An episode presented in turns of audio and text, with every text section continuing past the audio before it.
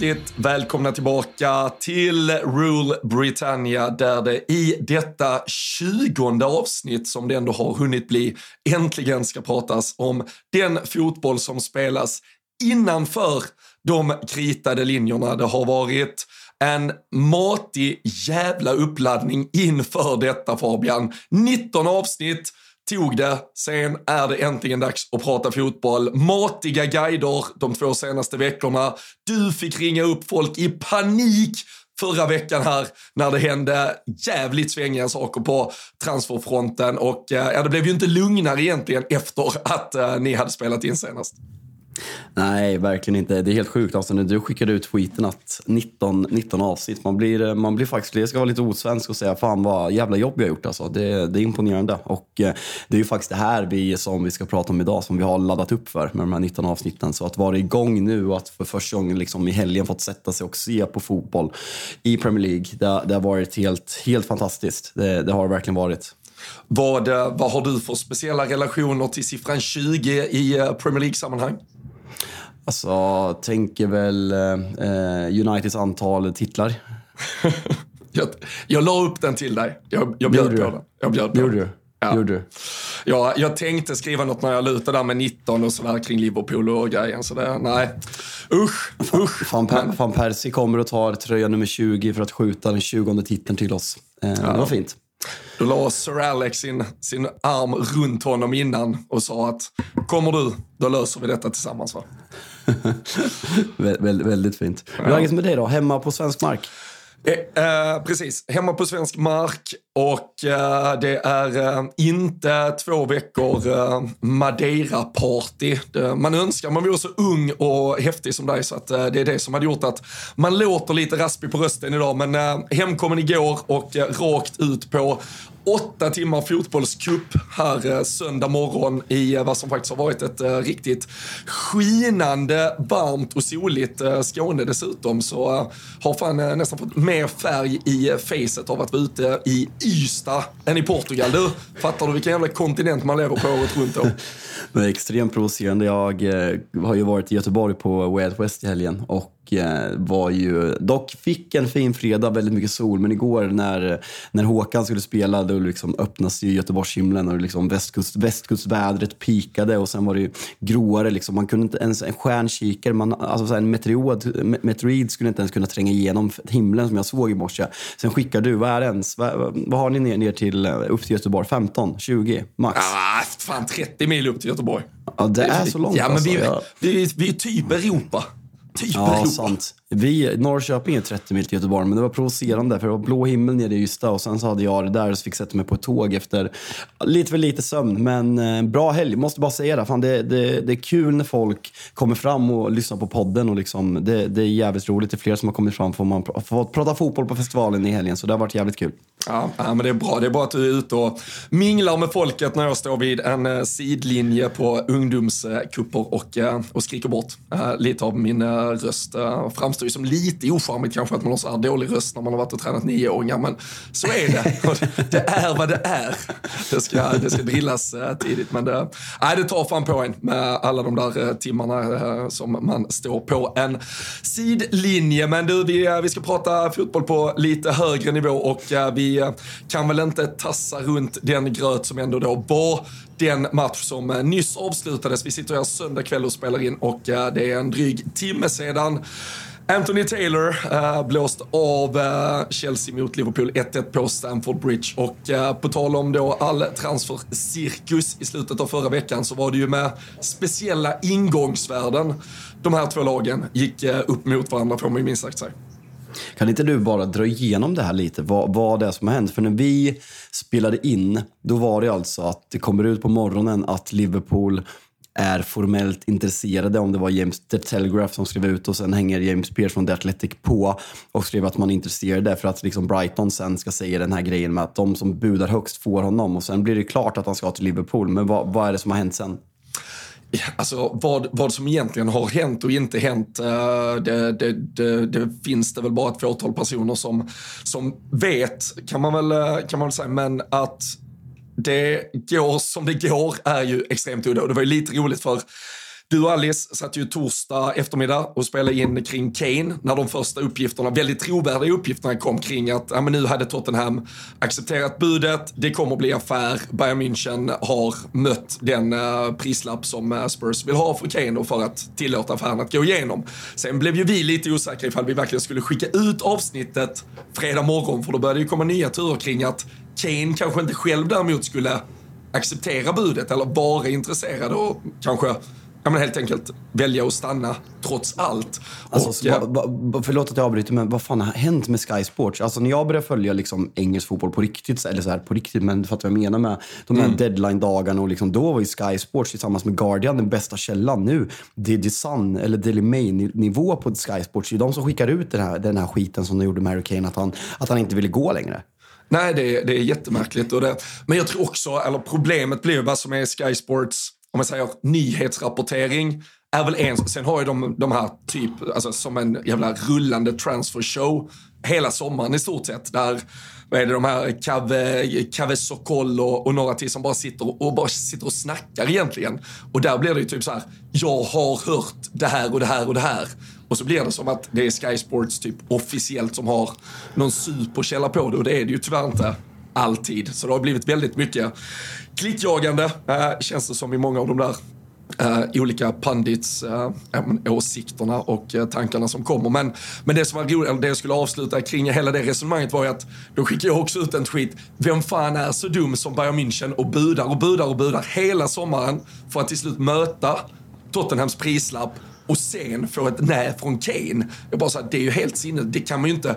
Du budar ju inte så länge om du inte har säkrat dig spelarens alltså, intresse till 100 procent.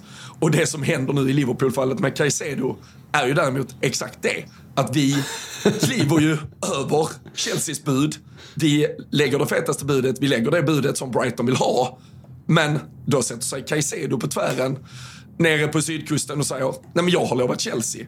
Jag sitter och väntar på att Chelsea ska betala det ni vill ha. Ingen annan kommer jag gå till. Och då går ju Brighton ut med det här att ja, okej, okay, vi förstår att Caicedo tydligen hellre vill gå till Chelsea, men då måste Chelsea buda över Liverpool. Och då tyckte ju Chelsea först att Liverpool skulle dra tillbaka sitt bud eftersom Caicedo ändå inte vill gå till oss. Men då skulle ju det förstöra Brightons förhandlingsutrymme. Så Liverpool ligger ju kvar med ett bud Uh, och ska man typ försöka tolka någonting så ligger det eventuellt fortfarande kvar. Men där alla bara väntar på att Chelsea ska snickra ihop sina jävla betalningsplaner, lösa allting och så kommer det ju bli officiellt ganska snart känns det som. För ja. de har ju löst det på något sätt och det verkar bli ett nioårskontrakt, uh, var väl det senaste snacket, uh, för att lösa sin bokföring kring hela köpet. Ja. Alltså det, det är så en sjuk uppbyggnad till hela säsongen och just att de möts idag och vi, vi ska komma in mer på matchen. Men det är ju det är två centrala, men det är en jävla underhållande fotbollsmatch. Men mycket av underhållningen beror ju på att det är en extremt icke fungerande centralt mittfält i balansmässigt. Så det är en spelare man hungrar efter, men fan har, kan, kan du komma på att det här har hänt någon gång? Att liksom så här, att att, att, att, att en spel, jag kan typ ha respekt för det. Sen vet jag inte vad det grundar sig i. Liksom jag personligen, alltså så här, relationen som Liverpool får med sina spelare och liksom så, liksom Liverpool som klubb borde vara ganska mer attraktivt att spela för än Chelsea om man inte liksom lockas av London, kan jag känna, känna spontant. Men jag kan ändå ha respekt för att han har liksom sagt till Chelsea att han vill dit, han har bestämt sig för Chelsea och sen blir det så här. Så det vart inte som man hade tänkt, att han liksom stod på sig. Men det, det, det var ovanligt och känns som en, känns som en såpopera. Vad fan heter den där, den, ehm, den nu spelas i Manchester, Coronation Street. Det är typ så här, nu, nu killgissar jag, men det är typ bara så här, ja, men så här 8000 avsnitt. Nu överdriver jag, men jag tror att det är en serie som har gått längst genom alla tider. Liksom. Ja, det låter lite som eh, vad är det, Days of Our Lives och Sunset Beach gick alltid på tv när man kom hem från skolan när man var typ åtta, nej inte åtta, tolv år var man nog när man kom hem. Då rullade det. Det är de där evighetssåporna som eh, det kom 400 säsonger 11, av 11 024 avsnitt, 60 ja. säsonger. Fy fan, det är otroligt. Men ja. Eh, nästan lika lång som kontraktslängden på spelarna i Chelsea. Men nej, men det, det, blir ju helt enkelt och, och jag vet inte, alltså, det, det är väl inte heller en allt för vågad gissning att Chelsea erbjuder ett fetare kontrakt än Liverpool. Det, det tenderar de att göra. Um, så det, det hade ju absolut inte blivit några 8-9 år i Liverpool och även till en månadslön som kanske, eller veckolön som hade varit lägre. Så hur mycket han än påstår att det, det handlar om något, uh, något lovord endast till Chelsea så, så tror jag inte det bara är för att det är ett uh, blått bultande hjärta i Moises Caicedo. Det handlar nog lika mycket om ett uh, eventuellt paket som är värt typ dubbelt så mycket till han personligen också, kan jag tänka mig. Ja, säkert. Det blir kul att följa de nästkommande dagarna och sen om det där kommer sätta igång att Liverpool kommer buda de där 50 miljoner som sägs krävas för Lavia eller om Southampton känner att Liverpool är desperata på riktigt. Nu höjer vi till 55-60. Det hade varit, det hade ja. varit ja, lite roligt. Jag tycker vi ska skita i, alltså Caicedo ska vi såklart skita i bara faktumet att han uppenbarligen inte vill komma och spela hos oss. Och det, det kommer inte vara aktuellt. Och Lavia tycker jag också vi bara ska, ja, jag, det är sättet som, eh, alltså så här, jag har full respekt för Southampton. Säljande klubb eh, styr och ställer så länge en spelare är under kontrakt. Men äh, den värderingen av Lavia tycker jag är löjlig faktiskt. Jag, jag vet alltså det, de pengarna för, visst det finns säkert potential men du måste ha bevisat något mer än en potentiell höjd när du ska kosta de pengarna som det nu alltså, uppges. Ja, alltså jag höll honom väldigt bra, framförallt första 10-15 matcherna förra säsongen i Southampton när han kom på, från City. Men så, som sagt, han spelar ett dysfunktionellt Southampton som åker ut. Eh, 50 miljoner pund, men samtidigt, Caicedo, vad har han gjort? Två bra säsonger, man visste inte vem det var för ett och ett halvt år sedan. Har du sett den här tweeten nu som Romano, att United var nära att värva honom för, vad var det, 5 miljoner pund för, för två och ett halvt år sedan. Så det är classic Ed Woodward och Manchester United. nu, nu skiter vi i Silly Robin. Ja, vi ska, ja, vi ska, vi ska, vi ska bara avsluta för med tanke på det där kring att United var nära, eller i alla fall kanske nära att, att värva honom då från det var väl direkt från Ecuador som jag, som jag minns det från ja, då, för två och ett halvt år sedan. Det roliga, alltså klubben som han gick från då när han gick till Brighton istället. De ska ju få en rätt så De ska alltså få 23 miljoner pund av oh. kakan. Vilket motsvarar hela deras truppvärde idag. Och eh, man pratar lite om, jag, jag såg nu att eh, Klaxvik, eh, om vi ska bli lite svenska kring eh, som slår ut Häcken och deras eh, ja, pengainflöde som kommer från deras Champions League-äventyr. Det skriver väl om kartan lite på, på Färöarna, men det, det här ska tydligen vara något som förändrar fotbollen i Ecuador också. Så det, även om det, ja, det, det, det ger Chelsea, vi dem i alla fall. Chelsea och Liverpool är lite som, som Robin Hood. Uh, ja, alltså vi ja. är i alla fall. Chelsea ja. kanske inte. Något som match. Nej. Nej. Ja, nej. nej. Klopp, de, de, Klopp är det. De, de, Klopp skulle aldrig betala de där pengarna för någon. Det vet du. Fan, det där var inte ens bra. Nej, vi skiter i det där. Jag ja, orkar inte. Vi, ja, det Alla har sett det. Ingen tyckte det var jätteroligt. Vi går vidare. Men, uh, nej, men uh, vi fokuserar på fotbollen istället. Jag tänker att eftersom jag har ett visst uh, kanske mm, subjektivitetsintresse i, i sammanhanget där så kan väl du börja och ge dina tankar kring matchen vi såg. Nej, men jag tycker att den, som, som jag sa tidigare, jag tycker att den, eh, ja men peak Premier League. Det är den här anledningen att jag älskar engelsk fotboll. För jag, jag ser inte den här intensiteten, kampen, frenesin i någon annan liga och liksom de känslorna på plan och liksom en tight, liksom, ja men det, det har någonting också med sommarmatcherna, första matcherna, liksom fansen, de, alltså så här, det, det, är lättklätt liksom. Och eh, tränarna liksom står i t-shirt. Alltså det, det, har, det har verkligen någonting. Det, det bidrar med, med känslan man går in till matchen med. Men Eh, Liverpool börjar ju otroligt bra första 15 och det är ju verkligen ett Liverpool som man, ja, som man känner igen när Liverpool pikar och det är nästan som att man hade glömt hur bra Luis Diaz är eh, för att han var skadad så stora delar av förra säsongen. Man blev ju liksom paff när han kom och hur snabbt det gick och hur snabbt han akklimatiserade sig till den engelska fotbollen. Men eh, vilka, vilken spelare och fan vad jobbigt det måste vara att möta honom och samtidigt med, med Salah. Eh, sen är det ju balansen på mittfältet. Jag, när jag summerar matchen så um, framförallt imponerad av Chelsea. Alltså Liverpool mm. vet man ju bra. Alltså Jürgen Klopp har ett bra lag. De här spelarna har spelat under Jürgen Klopp väldigt länge, förutom McAllister och Soboslaj som, som, som, startar, som kommer in från start. Men att Pochettino har fått ordning på det här Chelsea-laget så fort när han dessutom har väldigt många skador imponerar på mig väldigt mycket. Och det är väl kanske det jag tar med mig mest om vi, om vi pratar någonting från matchen. Ja, och jag, jag tror så här.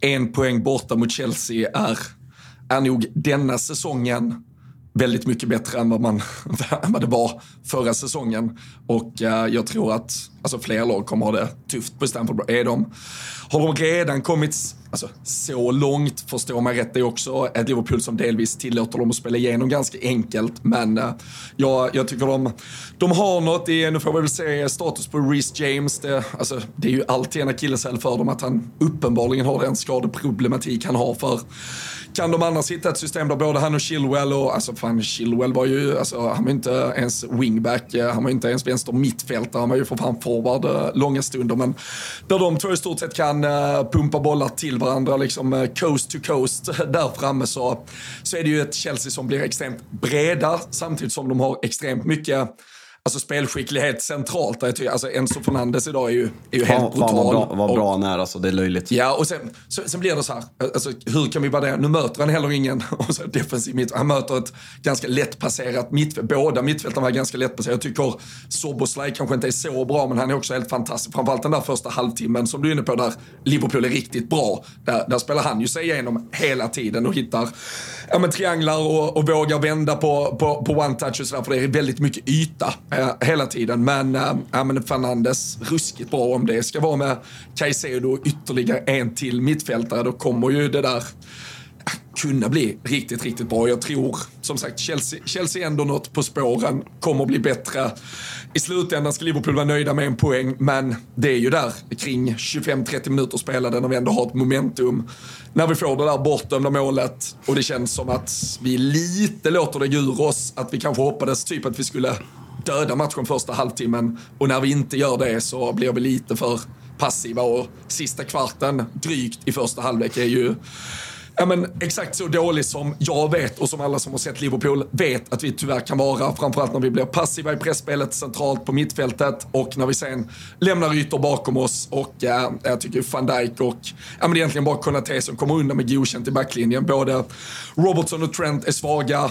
Trent orkar inte diskutera, för vi vet var han är bra och var han är mindre bra. Men det stora problemet just nu i Liverpool är att van Dijk och Robertson har tappat väldigt mycket i sitt försvarsspel. Men det, det som provocerar mig eh, när jag kollar på Liverpool, alltså folk får prata och liksom, jag gick absolut ut och eh, drog en liksom like-jagande Trent kritiserade försvarsmässig tweet. Eh, men Alltså, folk kan prata om att Trent är liksom dålig försvarsmässigt. För mig är inte liksom positionsspelet det, sämsta. Det är att han ser ut att skita i det. Alltså, som, jag hade någon diskussion med någon på Twitter där, liksom folk säger att han ställer offside på det här som blir bortdömt med någon centimeter. Nej, han skiter i att följa honom. Han springer i sidled. Det är bara tur att det blir offside. Det där är ingen offside-fälla. Om folk tror att, det där är en att Trent ställer offside där, då har de aldrig spelat i en backlinje i hela sitt liv. Alltså, det, det, är liksom jag som har spelat i division 2 division 3 och liksom spelat back. Det, det, där är inte en offside-fälla. Det där är uselt, lojt försvars försvarsspel. Och han, han typ tänker så här, men jag släpper över honom till van Dijk för jag pallar inte ta löpningen. Och van Dijk inte heller där. Det är samma på målet. Van Dijk tar något kliv fram och lämnar Trent Exakt. med två och, och, och, Trent väljer ju fel. För liksom han, när han inser att, att van Dijk kommer fram, då måste han liksom, alltså, måste vara först på bollen. Han är inte ens nära. Det är en sån alibi, alibi-försvarsspel och det är det här som man såg liksom, att det kom lite från ingenstans förra säsongen och man satt i ja, men diverse olika sammanhang och försökte analysera vad det är som gör att Liverpool ser så loja ut defensivt. Och att man ser så här loja ut i premiären på Stamford Bridge, jag fattar det inte. Nej, Nej och Speciellt när det har varit alltså, typ det enda problemet som fans och alla som har tittat på och därmed utgår man ifrån även laget själva har kunnat adressera hela försäsongen att vi är för loja defensivt. Vi är för passiva. Vi gör, alltså det, det, är så jävla enkelt så att vi gör inte jobbet. Och det, för det hade varit en sak, som du säger, om man hade känt att ja, men då, de, de kan inte bättre. Alltså de, de gör verkligen sitt bästa, men det, det går inte mer. Det, det kanske är så det är. Det, I så fall är det hemskt. Men känslan är verkligen som du säger, att det är en eh, ja, men en, eh, någon form av övertro på sig själv, att det bara ska funka genom att man är närvarande i stort sett. Men det, så enkelt är det inte eftersom vi inte är så dominanta i övrigt längre som vi kanske var en gång för två, tre, fyra år sedan så, så måste jobbet göras på ett helt annat sätt. Och jag tycker det är van Dijk som ändå sätter den tonen genom att gå in som kapten, ha den auran, ha den attityden och det smittar av sig. Jag hade velat se att han någonstans restartar, alltså vi pratar om det ska vara ett Klopp 2.0, ett Liverpool 2.0. Klopp sa att det är Liverpool reloaded, alltså så här. Då måste några skallar också starta om och fatta att vi är ett annat lag andra förutsättningar, vi måste göra ett helt annat jobb. för att börja från noll och växa därifrån. Men provocerar det, om vi pratar supporterskap, provocerar det ännu mer? Jag vet ju när vi pratar om kap kaptensbindeln att liksom, många har ju trott att det blir van Dijk. Det är han som liksom har haft den oftast när Henderson inte haft den tidigare. Han fick nu binden. Trent får assistera, eller liksom får utmärkelsen att vara assisterande kapten, att det är de här två som man reagerar mest på. Eh, mm. Känner du ännu mer att Salah borde ha binden efter idag? För liksom, vi kan prata om han, hans match och liksom att han blir utbytt och reaktionen efter det sen, men känner du liksom att det blir ännu värre när de här två spelarna som vi reagerar mest på är lagets nya två kaptener? Uh, ja, och det är ju lite det jag har grundat alltså hela min take på. Jag har ju tyckt att Salah ska få binden. För att är det något vi vet så är det att Liverpool mest troligt i alla fall alltid kommer göra mål i matcher. Och mest troligt så kommer Mohamed Salah vara inblandad. Den enda anledningen till att vi inte alltid däremot vinner matcher, det är för att vi är för passiva och faktiskt för dåliga i vårt försvarsspel.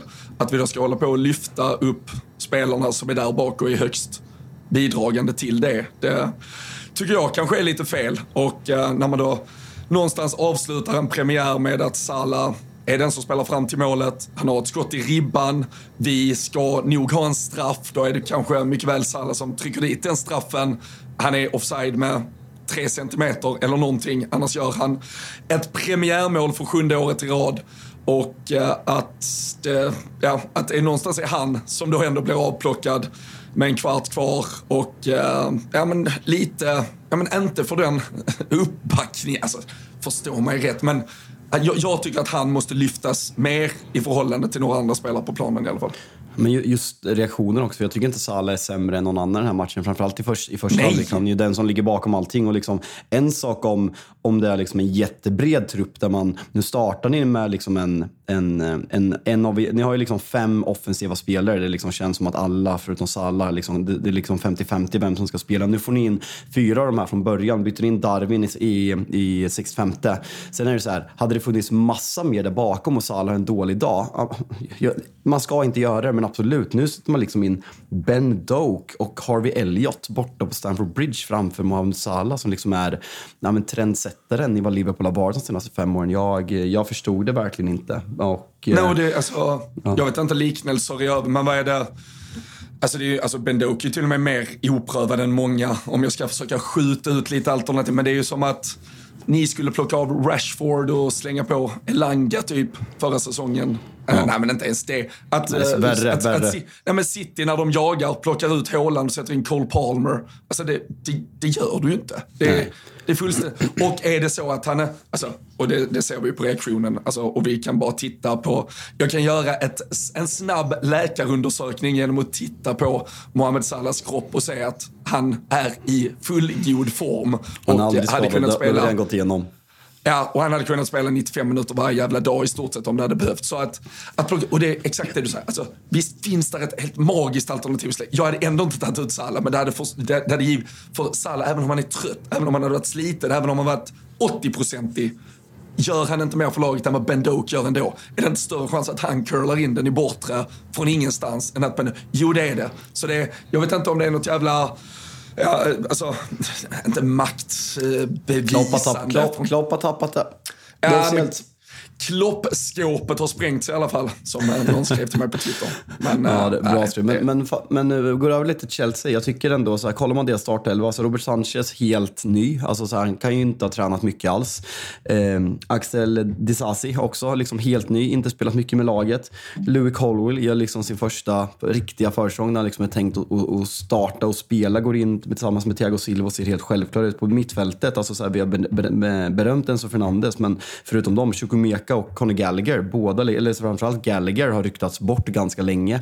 Eh, mm. Och sen på topp liksom en förra säsongen, ja, men, iskall Raheem Sterling som liksom en av förra säsongens största flopp sett till prislapp och förväntningar. Och Nicholas Jackson som, man ser ju höjden, men man ser även en väldigt så här, yvig trubbighet. Så jävla oslipat alltså. Ja, Fy fan vad det är rått. Ja, verkligen. verkligen. Men man, ser, alltså, man ser ju i, i slutet när Mudryk får det där friläget, alltså helvete vad snabb han är när han håller bort ja. Konaté och liksom, är det galet. Men just det här, det, det jag vill komma med Chelsea, att så här, kollar man på vissa av de här namnen, det, det, liksom, det ska göras en del med den här startelvan. Alltså Sterling, vi får se om han ska spela där. Kommer Mudryk liksom komma in långsiktigt? En Kuku skadad ganska länge nu visserligen, men han ska in i det här laget. Man ska få tillbaka mittbackar, man ska förmodligen få in Caicedo på det här centrala mittfältet och kan Porsche liksom fortsätta att bygga vidare på det här med, med ännu bättre spelare. Så nej, men, vi ska inte dra för stora växlar efter en match. Liksom, det, det, får vi inte göra, men jag, jag, fattar om man är väldigt, om man går och lägger sig nöjd.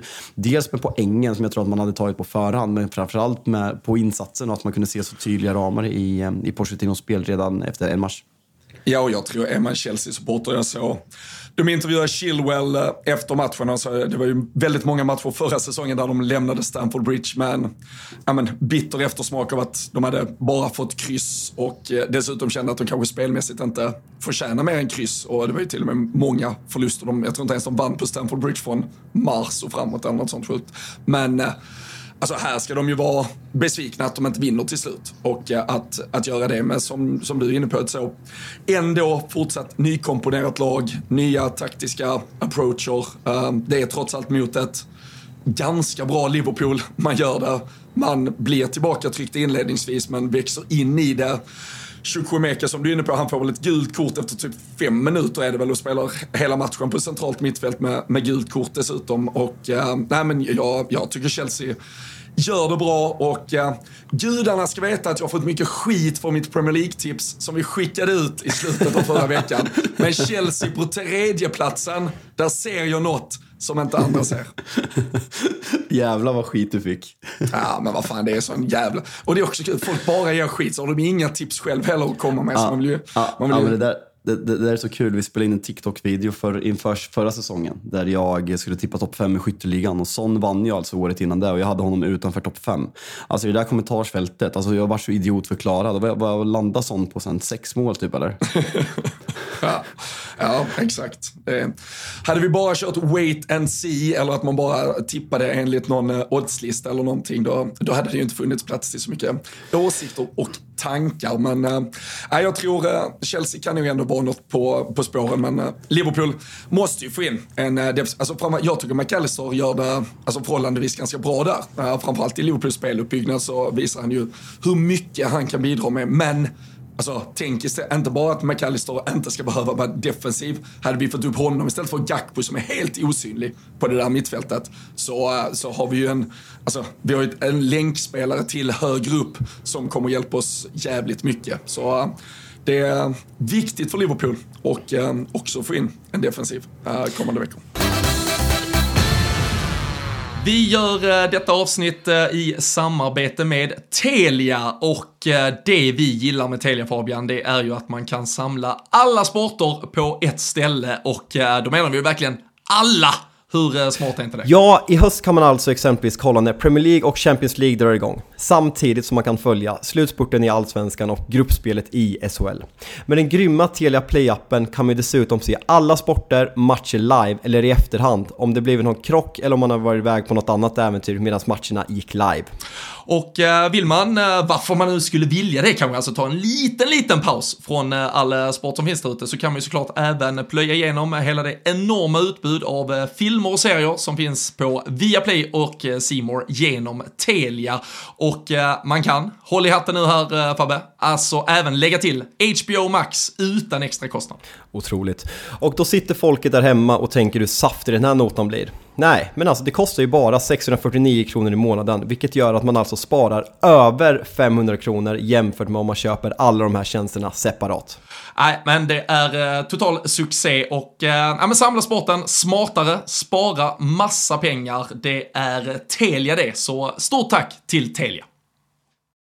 Ja, men kul att, liksom, att Silly, att det, det, känns som att det har smält så många gånger men ändå ganska många lag som United ska fortsätta både sälja och köpa någon mittfältare, kanske mittback nu när man säljer Maguire. Ni ska få in en mittfältare, Chelsea ska få in en mittfältare, Arsenal känns väl väldigt klara. Eh, Chelsea vet man aldrig med, City vet man aldrig med. Så ja, men fan det, vad har vi kvar? Två, två och en halv vecka typ, så det kommer ja. att hända mycket. Ska vi, ska vi gå över och surra lite, lite Spurs, om vi tar söndagsmatcherna först?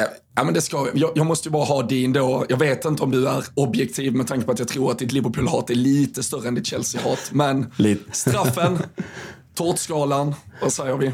Alltså, jag om, om jag bara drar min personliga eh, åsikt, vilket är såklart helt skitsamma, så tycker jag att det är straff. Eh, ja. Men som jag fattade regeln, typ så här att det spelar typ ingen roll. Alltså, handen är ju en onaturlig position, men så länge det liksom är in till kroppen så ska det typ inte spela någon roll. Så liksom, du, du kan, Jo, alltså det, var, det, det, är något i den stilen förra året. Jag kommer ihåg det är någon, här, en frispark eller någonting. Någon hoppar upp och liksom så här, typ, har båda armarna liksom i halshöjd och blir träffad där. Och i min värld så här, det ska inte händerna vara. Det är straff. Jag, jag säger fem av åtta tårtskala straff, ja. enligt mig. Ja. Sen ja, kan var... jag inte regelboken, jag har gett upp för länge sedan. ja. Nej, jag, jag fattar ingenting. Jag, jag, alltså jag reagerar absolut inte på det i första läget. Jag, jag trodde inte ens den tog någon hand. Jag trodde det var bröst eller något. Men jag tycker när man ser reprisen och när de rullar den och ger den vinkeln och mer så tyckte jag det var eh, helt solklart. Det påminner ju lite, det är ju inte riktigt så här, det här är dessutom en boll som ändå är på väg mot mål dessutom, vilket det står kanske inte i regelboken att det ska påverka, men det, det tycker man väl kanske att det ska påverka ifall du förhindrar verkligen bollen att gå mot mål. Um, vi, svenska damerna till exempel fick ju en straff på liknande sätt i kvartsfinalsegern mot uh, Japan och då var det en hörna som bara skarvas bakåt och så har den ena japanskan en hand uppe i ungefär den positionen och uh, det blir straff för det. Men ja, ett jävla lotteri är det väl. Uh, Anthony Taylor hoppas man ju alltid slippa, uh, men uh, man får stå ut ett par gånger. Han, han, han hade ju dessutom tagit, han hade tagit till, till, vi har ju pratat mycket om den här alltså, tilläggstidsregeln som är nytt för år och jada, jada, jada, det behöver vi inte fastna i någonsin mer igen typ. Det är bara att lära sig av det. Men det är också nytt att om du visar med handen att det ska vara gult kort, då får du själv ett gult kort och den, den avslutar han ju starkt med där först Uh, Kunate river ner Nicholas Jackson när de ska kontra och sen är det väl McAllister som är på väg igenom när uh, Conor Gallagher bara river ner honom uh, på mittplan. Och så är det uh, McAllister och Jackson som får varsitt gult istället för att de ber om typ gula kort när de blir nersparkade. Det, det, ja. det, det, är ändå fint att veta ditt Anthony Taylor-hat och sen vet man ändå att Chelsea-supporterna hatar honom ännu mer. Ja men det är ju det som är unikt med honom, att han lyckas bli hatad av alla. Alltså man brukar ändå tycka att det finns hemmadomare, bortadomare och så vidare. Anthony Taylor är bara klappkass rakt igenom. Så, så fint att vi börjar med Robins domarhat efter en match. Ja, det är, vi kommer landa där uh, lite då och då tror jag. Men vi, uh, vi lämnar väl uh, Liverpool och Chelsea. Vi lär få anledning att återkomma. Vi kan väl säga det också att Daniel, som var med oss här för några veckor sedan, skulle ha varit med oss ikväll också. Men han fick kasta in handduken lite, lite sjukare än, lite, lite riktigt sjuk helt enkelt. Du och jag är bara slitna på olika sätt. Så, så han hade väl all anledning att få, få lite ledigt. Men vi eh, hoppas ha honom med oss snart igen istället. Och eh, så eh, tar vi oss till Brentford, Tottenham istället. Ja, nej men eh, känslan, alltså så här, det var väl, man såg, det var kul att läsa Tottenham Twitter innan. För jag, jag, såg liksom både folk som, någon skrev att jag aldrig var, jag aldrig haft så låga förväntningar på mitt Tottenham som jag har inför den här säsongen. Samtidigt som folk skriver om ja, men en nystart som har behövts. Att, liksom, att man försöker se det positiva i att Harry Kane försvinner. Att liksom man kanske hade nått det maximala med Harry Kane. Nu får man en miljard in, man får chansen att bygga om. Förhoppningsvis så liksom kommer de andra spelarna kunna kunna komma fram. Så jag såg ändå fram emot att se den här uh, matchen och se liksom hur um, Ange Postosoglu har vi, har vi kommit fram till nu tror jag. Uh, kom, vi kör Ange i Jallis här. Ange.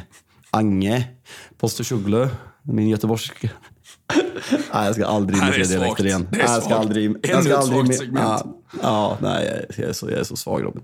Nej, men att man såg fram emot att se hans fotboll. För uh, ska jag vara helt ärlig, jag hade inte sett honom spela någonting med, med Celtic. Och jag hade absolut inte sett på Yokohama heller. Så det var där man gick in på matchen. Och sen Brentford som man pratade innan. Uh, Raja, uh, Tony, uh, Pontus Jansson. Ändå tre liksom, alltså, stora spelare. det är en central linje i stort sett. Ja, verkligen. Så det var, det var med mycket liksom, intresse man ändå gick in till den här matchen. Ja, och eh, det, det small ju eh, ganska tidigt och eh, framförallt den första halvlek som var otroligt händelserik. James Madison visar väl att hans högerfot kanske kommer kompensera för några av alla de målen som försvinner med Harry Kane. Det är en sinnessjuk leverans på det där 1-0 målet. Alltså den frisparken är helt sinnessjuk och det, det, det är så sjukt att Romero skadar sig så tidigt, nickar in den och blir utbytt för huvudskada direkt efteråt. Folk inte fattar att vi skrattar åt, att, åt skadan, att vi skrattar åt att det, att det är komiskt hela ja, grejen. Det är en makaber situation ja, på alla sätt nej, men verkligen. Vi hoppas såklart att han är okej, okay, men det var, det var verkligen sjukt och kanske framförallt när Romero gör det här målet och går ut, eh, som Sanchez kommer in och den där backlinjen, den där målvakten, alltså det är inte bra. Nej, jag såg på tal om vår goda vän Alice att uh, hon, hon önskar honom inget illa i livet i övrigt men uh, hon hoppades aldrig se Davinson Sanchez spela fotboll för Tottenham igen. Då, då förstår jag lite, jag, jag, känner igen det, jag har sett det med många spelare men uh, jag har också förståelse för vad hon uttrycker. Ja, nej men just den här, så här, jag, jag, kände liksom nya målvakten, jag kände ingen pondus där. Det var liksom här, alltså, jag vet inte om det var utseendet, att han såg liksom, han såg rädd ut. Det var, det var noll pondus och så här, några ja. utboxningar bara så mitt i så att det nästan var ett öppet mål. Och det, så här, det kändes inte alls bra. Och liksom, Sons försvar, det är en, absolut en billig straff. Jag tycker inte att VAR ska gå in och ändra på den. Ta domaren den direkt, fine. Sen, sen... Ja, men domaren, däremot ska ju domaren ta ja, den direkt. Men, alltså, men, det, men, alltså, du, du, får inte fullfölja in i fötterna nej, på det sättet. Nej, alltså, exakt. Det, alltså, folk ja. diskuterar att den är billig, men jag, jag känner så här, alltså, försvarar man så dåligt som Son gör där, du, du ja, tjänar en straff mot dig. För det, det, där lär man sig tidigt. 100%. Du får inte försvara sådär. Nej, nej, och det, det tycker jag det, den, det tycker jag fan är en regel nästan man ska införa. Det, det är lite samma sak. Jag tycker inte, jag tyckte Strömberg och um, Bjur fastnade lite direkt i början i när Konate är ute med sin arm mot uh, Chilwell och de, de snackar där har han ju armen verkligen i sidan. Alltså, alltså Men Glenn, ibland, Glenn pratade om det typ när han, när han skulle be, be, bedöma Konates match. Ja, ah, det var ju när, det var, ja, skojar du eller? Nej, men alltså så här, det där nej. är, alltså så här, nej sluta. Alltså jag, fan, jag, släpp det men, där. Men däremot de här men när du gör knuffen i rygg, som ibland kan vara billig, det, där, den är jag lite på som samma situation här med Son. Alltså, ger du chansen till domaren att döma genom att försvara på det sättet, då får du fan ta att det kan bli straff mot dig. Och alltså, där, som du som sagt, alltså Sons försvarsspel är, är det för det. Men det värsta är ju alltså deras 2-1 mål. Som du säger, målvaktsingripandet. Van de Ven, hur han kastar sig in. Det, det såg skakigt ut i Tottenham på många sätt och på många håll i det där, ja men hela hela den defensiva strukturen egentligen uh, satt ju inte till 100%. Och sen ska man dock säga så om man ska, om man ska gå i försvar för Posishoglu lite. Vi har pratat tidigare om att, liksom, att Spurs har varit väldigt riskminimerad, spelat väldigt tråkigt, väldigt lite possession. Man har 67 i bollinnehav den här matchen. Och jag tror att de sa att Brentford hade 15 raka hemmamatcher innan den här, eh, eh, utan förlust. Man, man torskade väl bara typ en eller två matcher eh, på hemmaplan förra säsongen. Mm. Så det, det, är en tuff arena att komma, på, komma till. Och jag tycker att Spurs alltså, dominerar den här matchbilden. Sen som sagt, man släpper släpper till alldeles för mycket chanser och liksom hade de haft Ivan Tony tillsammans med Mbuemo där uppe så hade de ringt både en och två gånger till var, var min känsla. Men ska man, ska man se något positivt så är det ändå att det fanns liksom en off. Man ser ändå att han vill spela en offensiv fotboll och kan han få till det där försvaret att Romero kommer in och får spela så, så kan det nog bli bättre. Det, det, det vill jag nog ändå säga. Ja, vi får, eh, får se hur mycket bättre det blir. Uh, vi kan ju konstatera att uh, Harry Kane, det har, det har, ju ingen missat, eh, nu är klar för Bayern München. Han uh, inledde med att uh, titta på när, uh, när gänget förlorade med 3-0 och han är fortfarande titellös. det, det, är något glädjande över det.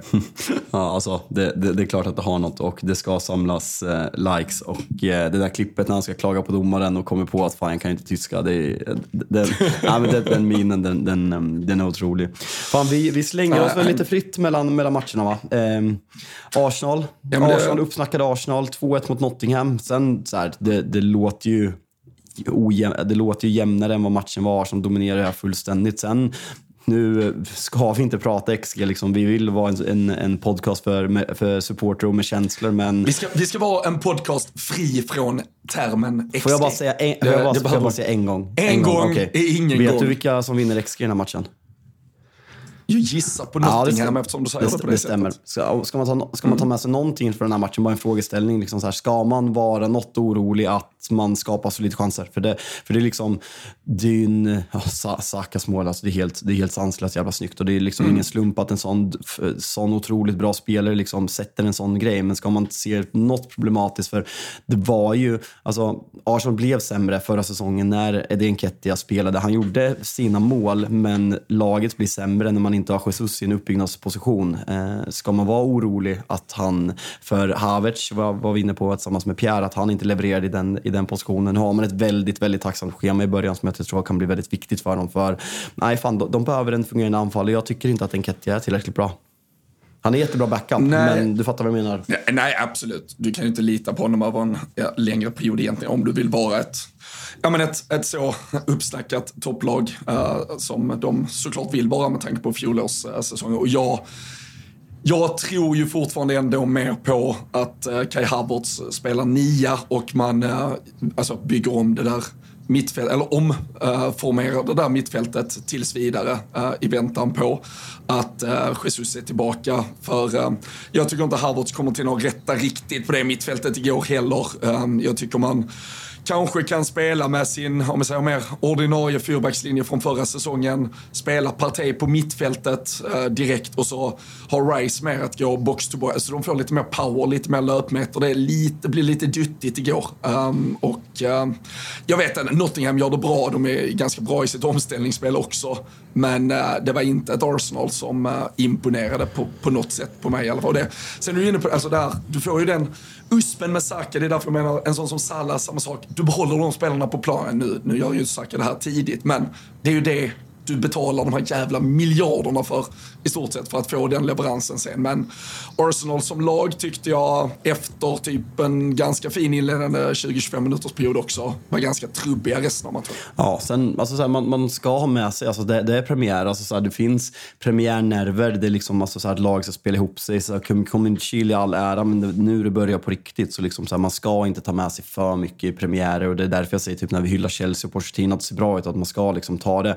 Man ska inte liksom bara ställa sig och jubla över allting än. Det är liksom en premiär och även de här trubbiga insatserna så, så kan man även ha lite förståelse för att det är första matchen. En, eh, en kille som inte hade några premiärnerver, eh, Erling Braut Haaland. Det började ganska bra den här säsongen också. Ja, ja, det, ja men det, alltså det är ju så, det är så tråkigt när, det, när, när, när man, ja, man, man har ändå, alltså, jag, jag, skrev ju det efter Community Shield också, då kom ju direkt någon jävla tweet om att det hade varit, eh, vad var det, 13 bolltouch och inget i straffområdet eller någonting. Man bara säger, jag låter mig inte luras igen. Det, det var, det hann gå en vecka förra säsongen också efter en Community Shield-match där det pratades om att Haaland kanske inte riktigt skulle få saker och ting att funka. Sen gjorde han väl gjorde han tre, nej, två i premiären förra året va? också. Mot uh, ja. West Ham de hade premiären. Ja. Och uh, ja, sen vet vi hur han följde upp det kommande veckor. Och, ja men likadant här. När han gör 1-0 så är det ju visst, då bara står han på rätt ställe med 2-0 målet. Alltså på tal om vänstersläggor uh, som man sätter upp i bortre. Herre jävlar vilket sätt att avsluta på. Med den, alltså han har inget svängrum egentligen och ändå så får han den kraften och sätter upp den på det sättet. Det är, äh, det är så brutalt. Men att han är, att han är, så, att han, att han är så ung, alltså det är typ den värsta anfallare man någonsin har sett. Och att han gör det i den här åldern, det är, det, det är faktiskt helt sjukt. Det är nästan så att man, man tar honom för givet. Vi har ju knappt pratat om Håland när vi har gjort den här podden känns det som. För att man bara vet att han är där, att han är en maskin, en robot, en fuskspelare om man får uttrycka sig så.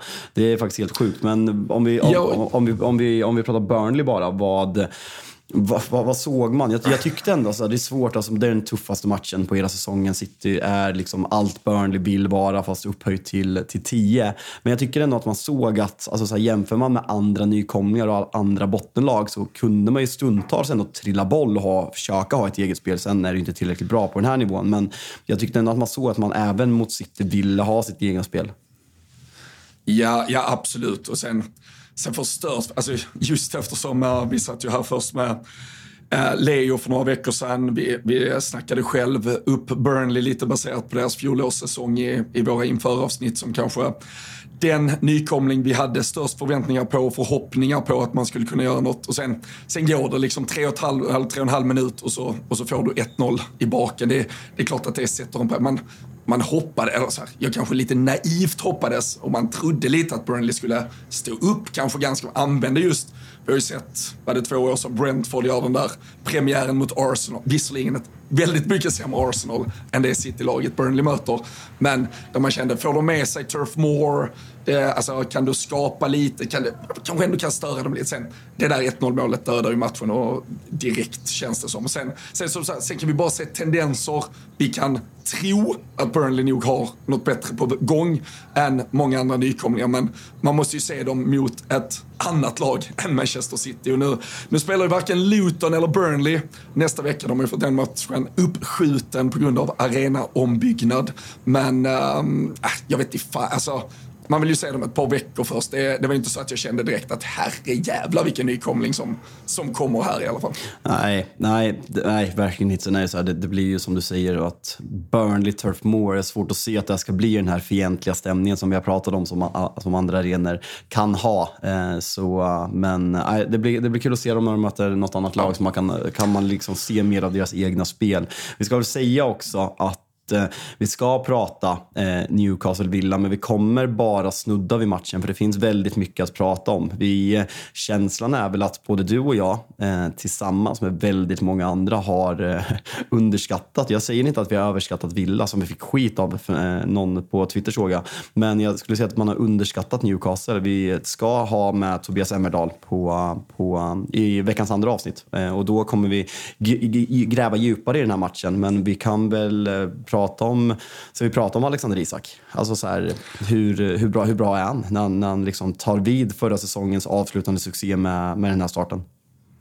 Nej, men vi har ju, vi har ju redan en eh, ja, men direkt avgörande, inte seriefinal, men skytteliga duell eh, på, på lördag kväll när det är City mot eh, Newcastle, Haaland mot Isak. 2-2 i skytteligatoppen så här långt och Alltså om, om Haaland gör framförallt då ett 2-0 mål som är extremt himla, alltså äh, Isaks eh, mål i den här, alltså visst det ena, där ska ju vara bara vara på rätt plats och stöta in den, men eh, det andra målet, alltså hela aktionen, avslutet och sen delaktigheten i väldigt mycket mer i detta Newcastle och i det anfallsspel de spelade som visserligen bjöds på extrema ytor, ska sägas, jag vill verkligen också, precis som du är inne på, se både Newcastle mot ett försvar som funkar bättre än Aston Villas, för det var bland det jävla sämsta jag har sett faktiskt. Det var så ihåligt.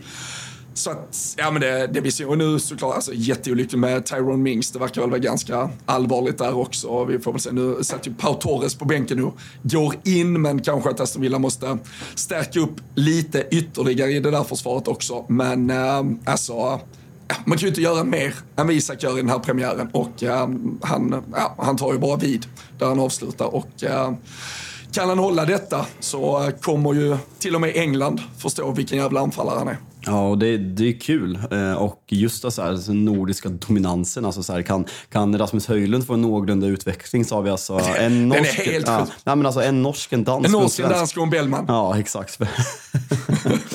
men, men fan Newcastle, om vi bara snuddar vid dem igen. Alltså det, det är så imponerande. Och sen om folk, om folk hade trodde att Tonali inte ville komma och liksom tyckte att det var tråkigt och kände sig borttvingad och liksom inte skulle tycka att sin fotboll var kul. Eh, vilken debut han gör och eh, känslan var att han trivdes ganska bra. Sen, eh, det är inte Milano, men eh, stämningen på, stämningen på St. James's i den här matchen, alltså herregud Robin. Nej, nej, det är ju inte som de där italienska arenorna med löparbanor och 480 meter till planen och sju pers i någon avstängd bortakurva. Du vet, det, det är riktig fotboll det här Tonali, det fattar han nu. Det är, eh, nej, alltså att få den starten och det Alltså, vi, eh, momentum att skaffa det, alltså få ett mål på Tonali direkt. Um, alltså, och, och, och bredden i detta Newcastle också. Med, du slänger på en Wilson, han är så bra som vi vet att han också kan vara. Harvey Barnes, vilket jävla spak, alltså att ha möjligheten att rotera. Ja, det kommer inte ta det tar inte lång tid innan Harvey Barnes är startspelare i det där laget. Det vågar jag nog sätta en liten slant på kanske. Men, men, men, men har de mycket inte, som funkar. Men har de inte breddat lite i skymundan? Att man typ inte har tänkt jo. på det? Alltså så för att ja, men man spelar med Anthony Gordon som man värvade för dyra pengar i januari. Slog aldrig riktigt igenom och liksom det lyfte aldrig riktigt, blev aldrig helt ordinarie. Almiron som var väldigt bra på hösten svanade ganska mycket på våren. Nu startar man med de två samtidigt har man liksom, ja men som du säger, Harvey Barnes och sen har vi Jacob Murphy, sen har vi Elliot Anderson som har varit helt otroligt bra på försäsongen. Nu vet vi inte liksom, hur bra han är långsiktigt, men det är ändå så här, det är bra namn och då är med Target och Livramento på bänken som inte ens kommer in i den här matchen. Så Newcastle, det känns verkligen som att man, man har breddat i skymundan lite. Sen har man spenderat stora pengar den här, den här eh, Sillin, absolut. Och eh, det House sa väl efter matchen att eh, det finns ett namn till som han vill ha. Men han, de, han är nöjd med, jättenöjd med transfern, som att det finns ett drömnamn. Så vi får se om det händer något mer. Ja, ja och där kan man ju bara gå till alltså, även situationen med med Isak, alltså han var ju inte en alltså, 38 matchers nia förra säsongen utan eh, kan, kan han typ vad det är nu och att ha Kellen Wilson som backup, då har du ju någonstans breddat alltså, i truppen också genom att nya spelare tar nya kliv framåt. Så det, ja, det ser bra ut. Jag kan tänka mig att det är en ganska glad Tobias eh, som vi tar med oss nästa vecka och eh, så snackar vi mer Alexander Isak och så snackar vi upp den där skyttekungsduellen som ska ha spektakel spektakla igång nästa helg då med Manchester City mot eh, Newcastle. Vi, eh, vi ska säga att vi är eh, sponsrade av ATG.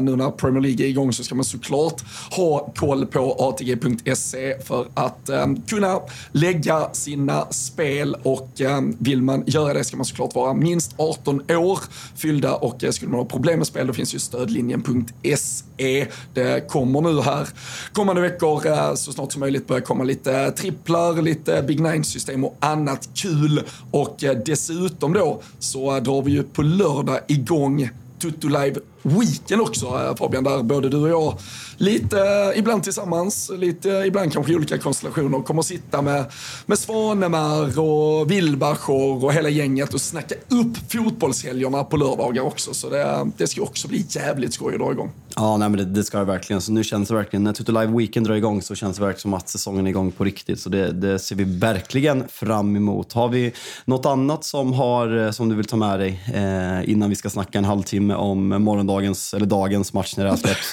kvällens match mellan Manchester United och eh, Wolverhampton? Nej, nej, framförallt så vet man. Man vet för det första bara att hel, eller fotboll, den europeiska fotbollen är först igång på lördag 10.00 när vi sätter oss för Tutto Live Weekend. Man tänker vi ska prata City Newcastle, vi ska prata Spurs United och Thomas Wilbacher kommer in och har hört att någon Serie C-klubb har värvat någon avdankad jävla pissespelare. Och så får man en halvtimme om varför Brescia har något gött på gång också. Det, det är då den europeiska fotbollen är igång på allvar. Så är det verkligen. Men, äh, nej, men, äh, men vad fan, vi ska väl snudda vid, äh, alltså vi kan väl bara dra listan. Äh, Bompan West Ham 1-1. Sheffield United Palace 0-1, Everton Fulham 0-1, Brighton Luton 4-1 och uh, ja, Brighton hade någon ny 21-åring man aldrig hade hört talas om som gjorde mål. Alltså, vad sysslar de? Det är så jävla sjukt. Ja, men alltså, det här är ju en, alltså, så här, på pappret nu i efterhand så kanske man tänker så här, ja, men Luton är inte tillräckligt bra, men det är ändå en nykomling. Brighton har tappat, ja men eh, Caicedo spelar inte, men har tappat spelare och liksom det här andra året för De Serbi, men man bara är så självklara från absolut första början. Mitoma är precis lika bra som han var förra året. Um, alltså, alltså här, James bara, Milner in från start i backlinjen. backlinjen. Nej, det är så, det, det, det, är så sjukt. Men alltså så här, allt verkligen bara funkar. Jao Pedro kommer in, liksom nyförvärvet, sätter en straff, liksom får självförtroendet. Danny Welbeck, världens bästa fotbollsspelare. Alltså allt bara Nej, Estupian var liksom, han har ju tagit ännu mer kliv känns som. Han är ju på riktigt. Alltså, det har han varit tidigare också, men han, han är ju typ bäst på plan av det jag såg den här matchen. Eh, så uh, nej, rolig, rolig premiär för Bright, Brighton. Mindre rolig premiär för Everton som väl faktiskt gör en ganska bra match vad jag har hört.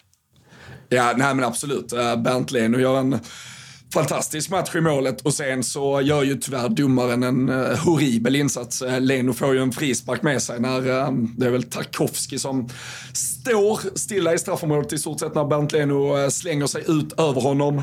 Tappar bollen som han försöker fånga och Michael Keane är det väl som bara styr in den i ett öppet mål. Men domaren ja, dömer ju bort den. Dömer frispark, gruff på Leno. Det, det är ju helt... Ja, kan till och med jag som Liverpool-supporter säga att det var helt åt helvete fel. Och, och där känns alltså där, där blir det ju för Evertons del bara så här, oh, inte i år igen liksom. Inte ens, inte ens raka in en boll i öppet mål får vi göra utan att någon jävel hittar ett fel med detta och sen får man det emot sig, eh, man lyckas inte riktigt hämta sig. Det var lite kul, hade en, en, en, en vän här, Daniel Roth, som skrev på Twitter för några dagar sedan att eh, han är Everton-supporter. Han var, han var glad inför, han skrev det på Twitter liksom. Men sen vet man ju vilket jävla helvete det kommer att bli. Premiär 0-1 hemma mot Fulham och så är liksom dårskapet igång igen. Och det, jag tror att alla Everton-supportrar tyvärr känner så just nu att det alltså, we go again. Det kommer bli lika jävligt den här säsongen som förra. Och eh, visst, det ser kanske lite okej okay ut stundtals. Jag tycker inom mitt och när Ducoré ska göra mål efter också 3-4 minuter bara när han får ett jätteläge. Men förutom ett ganska bra inom mitt fält så har Everton ingenting. Och eh, alltså spetsen, Eh, det, det går inte att så kallade spets, det är för fan ovalt framåt i stort sett. Det, Nej, jag vet inte vad de ska få in. De har ju plockat en, eh, någon, eh, någon anfallare nu från Sporting som eh, man såklart inte har sett många sekunder av. Men han hade väl gjort typ tre kassar på 22 matcher förra säsongen eller något. Det känns ju som de hade behövt något lite mer liksom, leveransklart än, än vad det kan kunna bli. Ja, men alltså, det, det säger sig självt. Alltså, kollar man på det här laget. Alltså, det är en, en fem mittfältare. Iwobi, Onana, Ghana Gay, Dokorea, James Garner och sen framför Neil Maupay. Alltså, man hade, ju, man, hade, man hade kunnat, jag hade kunnat lagt min, min lägenhet på att man inte skulle göra mål den här matchen. Och då möter man ändå Fulham. Mitrovic kommer in efter en timme ungefär, men det är liksom Palinja som är Fulhams överlägset viktigaste spelare inte med, vilket påverkar laget väldigt mycket skulle jag säga. Men det här, här Everton-laget, framförallt off offensivt, är deppigt. Alltså, man kommer vara jättetuff att möta. Goodison är en tuff arena att komma på, det vet vi. Men alltså, så här, med, med det här, liksom James Garner, en misslyckad egen produkt från, från United som inte riktigt lyfte förra året när han kom till Everton. Han har potential liksom bli en habil Premier League-spelare, men inte bättre än så. Alex Iwobi, liksom, han har blivit en jävla gnuggare, en lö löpstark spelare. Och sen vem, vem ska liksom lägga bollarna? Dokore, Ganagay eller Onana? Alltså för mig, det är liksom tvåvägsspelare. Ducoré i någon period för något år sedan. Han gjorde ganska mycket mål, men nej, nej. Neil Mopay, nej. Alltså, nej. Alltså, det är deppigt alltså.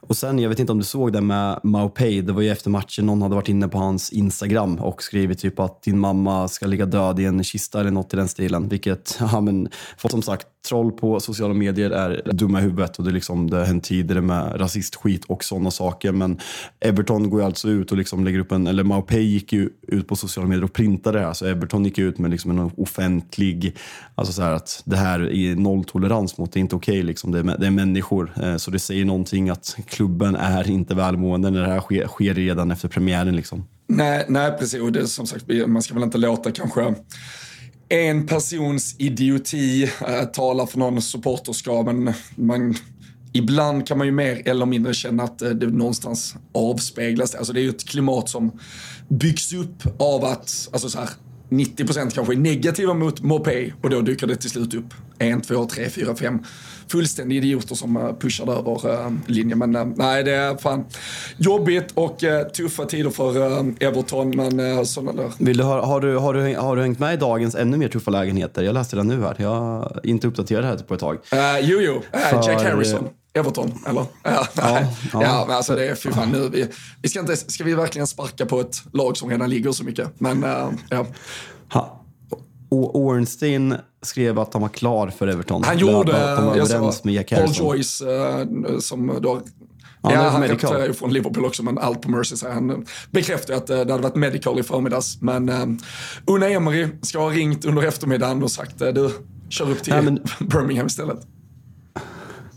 Nu blir det svag podd där. Romano har skrivit Villa kommer inte fortsätta då de tycker att han är eh, skadad för okay. länge. Eh, ACL injury. Eh, de vill ha en ersättare till Buendia och han är väl borta ja, ja. i fem till sex veckor. Så nu är eh, nu vänt, ser det Så det har vänt igen nu? Jajamensan, ja, mäktiga Silly ändå. Shit alltså, okej. Okay. Ja, det, har varit, det har varit ungefär tre ben. För in, uh, Paul Joyce skrev i, i förmiddags, eller under dagen, att uh, han hade gjort uh, medical i för Everton och var på väg dit. Sen skrev han under Liverpool-matchen för jag blev såhär, vad fan, vad, jag, Paul Joyce är typ den enda jag har notiser på Twitter från. Så jag liksom Paul Joyce mitt under matchen, vad fan twittrar han nu om? Men det var det att, nej, nu har uh, Jack Harrison ändrat sig. Han ska testa Villa istället, men uh, då ska han tydligen inte vara jävla U-svängar på de här motorvägarna mellan uh, Merseyside och Birmingham. Jag har, jag har en förklaring här. In the past hour, apparently, Harrison is medical with Everton. Villa decide they want Harrison. Harrison decides he wants Villa. Villa find out he's injured. Harrison to Everton is back on. Stökig, stökig. Och, och du, och du, ja, bra timme. bra timme faktiskt. Men äh, vi får se vad som händer med Jack Harrison. Kanske då att, äh, men då, sen är det också så här för Everton, visst kul att de får Jack Harrison, men vill du verkligen ha en spelare som inte klarar andra lags medic... Ja, nej, jag vet inte. Vi, vi, vi, ska vara glada för Everton en liten stund tycker jag. Att de kanske får en uh, spelare som är, som är yngre än Ashley Young och uh, bättre än några av dem de eh, redan har i alla fall. Men eh, vi ska blicka lite kort mot eh, det som spelas ikväll. Att snacka upp saker och ting är ju alltid ganska sval podd. Man får se hur fan det går sen i slutändan och så tar vi det därifrån. Men vad har du för förväntningar på United ikväll? Nej men mm, höga, alltså taggad framförallt för att det är premiär. Möter kanske tillsammans med Everton ett av ligans mest misskötta och eh, deppiga lag just nu. Många tippar Wolverhampton åka ut efter att man har bytt tränare. Sen O'Neill löste ju det när alla trodde att Bompan skulle åka ut förra året. Så, men eh, Ja, men alltså förutom att Höjlund inte är med så är liksom alla är tillgängliga. Man kan ställa upp med bästa laget. Jag eh, tror att Garnacho kommer starta till vänster och Rashford uppe som nia. Så uh, det ska bli kul att se. Försäsongen har, om vi började starkt med att slå Arsenal med 2-0, eh, så har det gått eh, sämre efter det. Men det ska bli kul att se nya spelarna, det ska bli kul att se Onana i Premier League, det ska bli kul att se Mason Mount från start. Eh, så det, det, det är väl det jag ser fram emot. Och liksom, det finns inget annat än seger i den här matchen för Wolverhampton på hemmaplan. Och var det något Erik Ten Hag gjorde bra förra året så var det liksom vi eh, tappade typ inga nej. poäng på hemmaplan. Vi får se om ni kan lösa poäng även utan Anthony Elanga som, eh, fan, det, det får vi ändå nämna från den där Arsenal-matchen också. Fan, han imponerade uh, med inhoppet och när han kom in från Nottingham och satte fart. Vi snackar ju upp Nottinghams potentiella kvartett där framme med Elanga, Gibbs White, Brennan Johnson och Avoniji i vårt uh, införavsnitt. Uh, det är väl bara för Steve Cooper att lyssna på det och gå på den frontfyran framåt. Ja, uh, det, där kan, det där kan bli stökigt alltså. Sen Bompan, mitt lag. Stark poäng mot ja, West Ham. De såg, de såg faktiskt inte bra alltså, nej, jag, jag, jag har läst mycket om uh, hur bra det ska kunna bli kring Bournemouth, men jag tyckte inte de imponerade uh, jättemycket inledningsvis. Men uh, så, ja, vi, vi, men Lite ska vi avvakta innan vi dömer lag uh, för tidigt här kanske. Uh, så får vi se vad det blir av det. Men uh, vad tror du då? Blir det 2-0-seger United? Oj, oj. Ah, 4-0. Oj, oj, oj, oj. Ja, ja, ja, ja, ja, ja, ja, ja. Hybris, hybris. snabbt in på atg.se så kan du nog få bra odds där. Du eh, är ju 18 år och eh, du har väl inte heller problem med spel för i så fall ska du gå till stödlinjen.se. Vi, vi ser hur det går i United Wolves. Vi eh, snackar ner den i slutet av veckan. Vi ska ta ett rejält snack med Tobbe och snacka Newcastle, snacka upp helgen, mycket som väntar. Så vi skjuter väl igång veckan med detta avsnittet. Det är jävligt kul att premiären är spelad och att vi har fotboll att snacka om och eh, så lär det väl ha hänt mycket i sillisurret också som vi får eh, plocka ner om några dagar.